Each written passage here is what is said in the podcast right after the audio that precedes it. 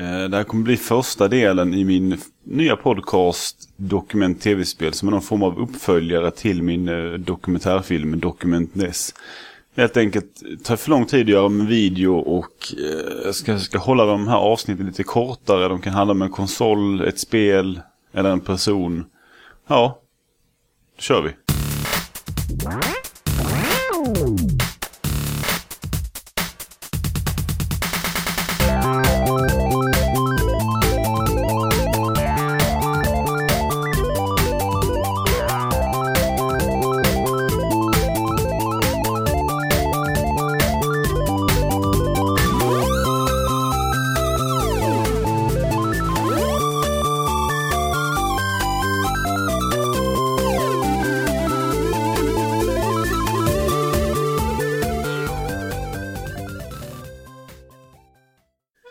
Många känner till Nintendo-profiler som Shigeru Miyamoto, Koji Kondo och Satoru Iwata. Men långt färre känner till Yoshiaki Koizumi.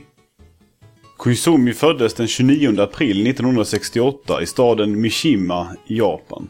Han är manager på Nintendo EAD Tokyo Software Development Group No. 2. Han studerade film, drama och animation på Osaka University of Arts på avdelningen Visual Concepts Planning Department.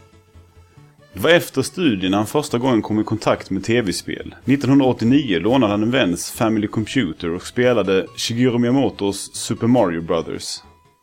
Med tanke på vad han hade studerat så hade han tänkt att bli filmskapare, men nu ansökte han istället för jobb hos Nintendo. Där han anställdes i april 1991 som grafisk designer. Hans första uppgift blev att göra artwork och manualen till The Legend of Zelda A Link to the Past. Under arbetet kom han också att involveras i spelets bakgrundshistoria då han tyckte att den inte var invecklad nog. Efter det var han illustratör på Super Mario Kart som släpptes till Super Famicom 1992. Till nästa projekt fick han mer ansvar när han tillsammans med Kensuke Tanabe skrev storyn till Gameboy-hitten The Legend of Zelda Link's Awakening. Han designade även scenarion och bossar till spelet och precis som i A Link to the Past så stod han också för manualen. Han stod för interaktionen mellan Link och öborna och att ön i spelet bara var en dröm var Kosumis idé. Han medverkade sedan i utvecklingen av Super Mario 64 där han var assisterande regissör under mentorn Shigeru Miyamoto och jobbade med modellering och animering av karaktärer. Han hade på sin fritid importerat en Commodore Amiga och börjat träna på att modellera och animera i 3D. Han visade sen upp sitt hemmapyssel för Miyamoto som satte honom som huvudansvarig för skapandet och animerandet av karaktärerna i Super Mario 64. Mellan Link's Awakening och Super Mario 64 experimenterade Koizumi och Miyamoto med en polygonbaserad version av Zelda 2, The Adventures of Link till Super Famicom. Man testade hur svärdstrid skulle fungera i 3D. Man släppte aldrig spelet, men man lärde sig lite om hur strid skulle fungera i en polygonbaserad värld. Redan innan Super Mario 64 var klart hade Koizumi funderat på hur ett Zelda-spel i 3D skulle fungera. Bland annat hade han skissat vidare på ett stridssystem.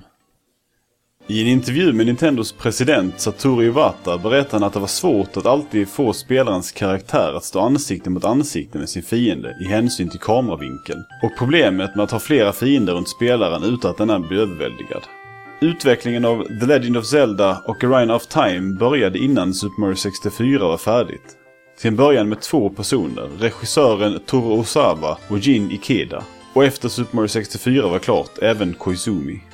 Miyamoto ville att Koizumi skulle experimentera med om spelet helt kunde spelas ur ett första persons perspektiv som gick över i tredje person när man var i strid. Då Koizumi stod för karaktärsdesignen så ville han att hans karaktärsmodell skulle synas hela tiden och struntade i att ens testa ett första perspektiv till förmån för ett i tredje person, som han dock erkände var svårare att få till rent kameramässigt.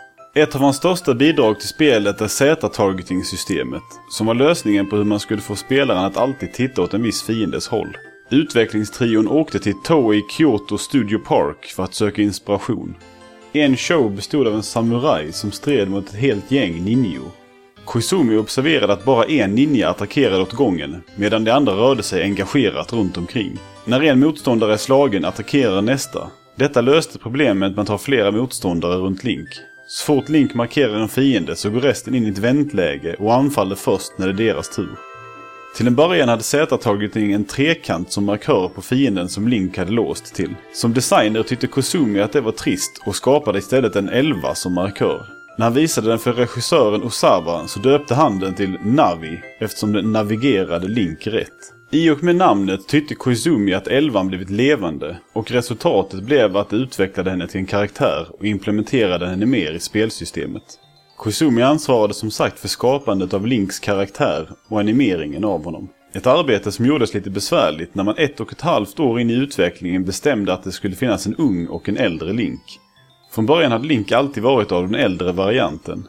Men Miyamoto och andra i teamet ville ha en sötare liten Link. Att ändra karaktären så pass mycket innebar mycket mer jobb. Storyn fick skrivas om, upplägget på pussel fick göras om och Koizumi fick göra helt nya animationer för en liten Link. Han använde dock modifierade delar av äldre Link till hälften av unge Links rörelser. Efter utvecklingen av Ocarina of Time togs han in i utvecklingen av ett spel av brädspelskaraktär och tjuv och polistema, men flyttade snart över till utvecklingen av The Legend of Zelda Majora's Mask. Här kommer han att stå för idéer som tidsbegränsningen och efter en dagdröm om att månen höll på att störta ner blev det också en del av spelets huvudtema. Spelet hade mer begränsad utvecklingstid än Ocarina of Time och att man ofta gör upprepade besök på samma ställe gjorde att man fick den mer kompakta Zelda-upplevelse som Miyamoto bett teamet om. På Nintendo Space World 2000 visade Nintendo upp ett demo för GameCube kallat Mario 128 man hade 128 Marios som sprang runt på en frisbeeliknande platta som ändrade form och fick kullar. Koizumi hade lett framställandet av demot och funderade efteråt på hur man skulle kunna använda det till ett fullt spel, men han tyckte det skulle vara svårt att realisera. Element från Mario 128 kom senare att användas i Pikmin och Super Mario Galaxy. Efter Majora's Mask fick Koizumi ansvaret för nästa huvuddel i Super Mario-serien, Super Mario Sunshine till GameCube. Fast spelet han jobbade på var först inte ett Mario-spel. Idén att använda en vattenpump som huvudsaklig spelmekanik var något man experimenterade med och några månader in i utvecklingen bestämde Nintendo att spelet skulle ha Mario i huvudrollen. Koizumi ville skapa en annorlunda, mer realistisk värld för Mario att utforska. Ön Isle Delfiner som spelet utspelar sig på var mer av en sammanhängande värld än den i Super Mario 64. Koizumi har berättat att han använde en del av idéerna som inte kom med i Majora's Mask i Super Mario Sunshine.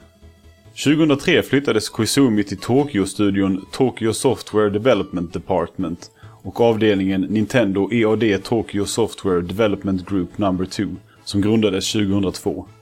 Hans första projekt här blev Donkey Kong Jungle Beat, ett rytmbaserat sidoskrollande plattformsspel som kontrollerades med bongoskontroll.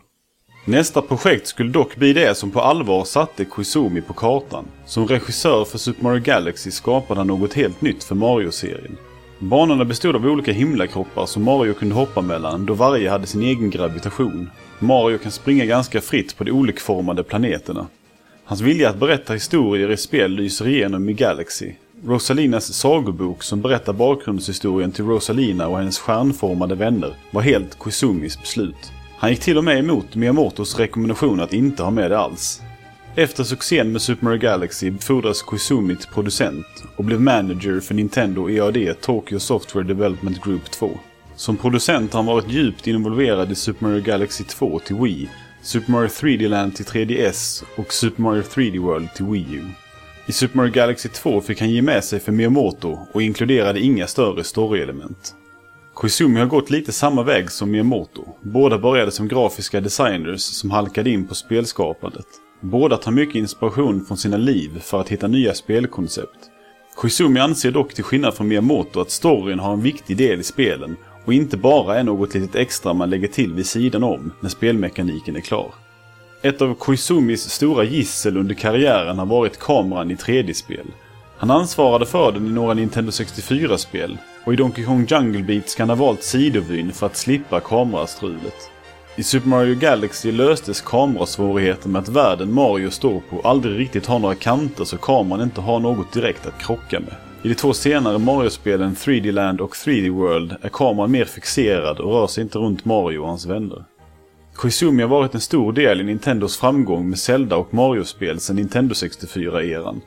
Idag producerar han Captain Toad Treasure Tracker till Wii U och med stor sannolikhet nästa Super Mario-spel.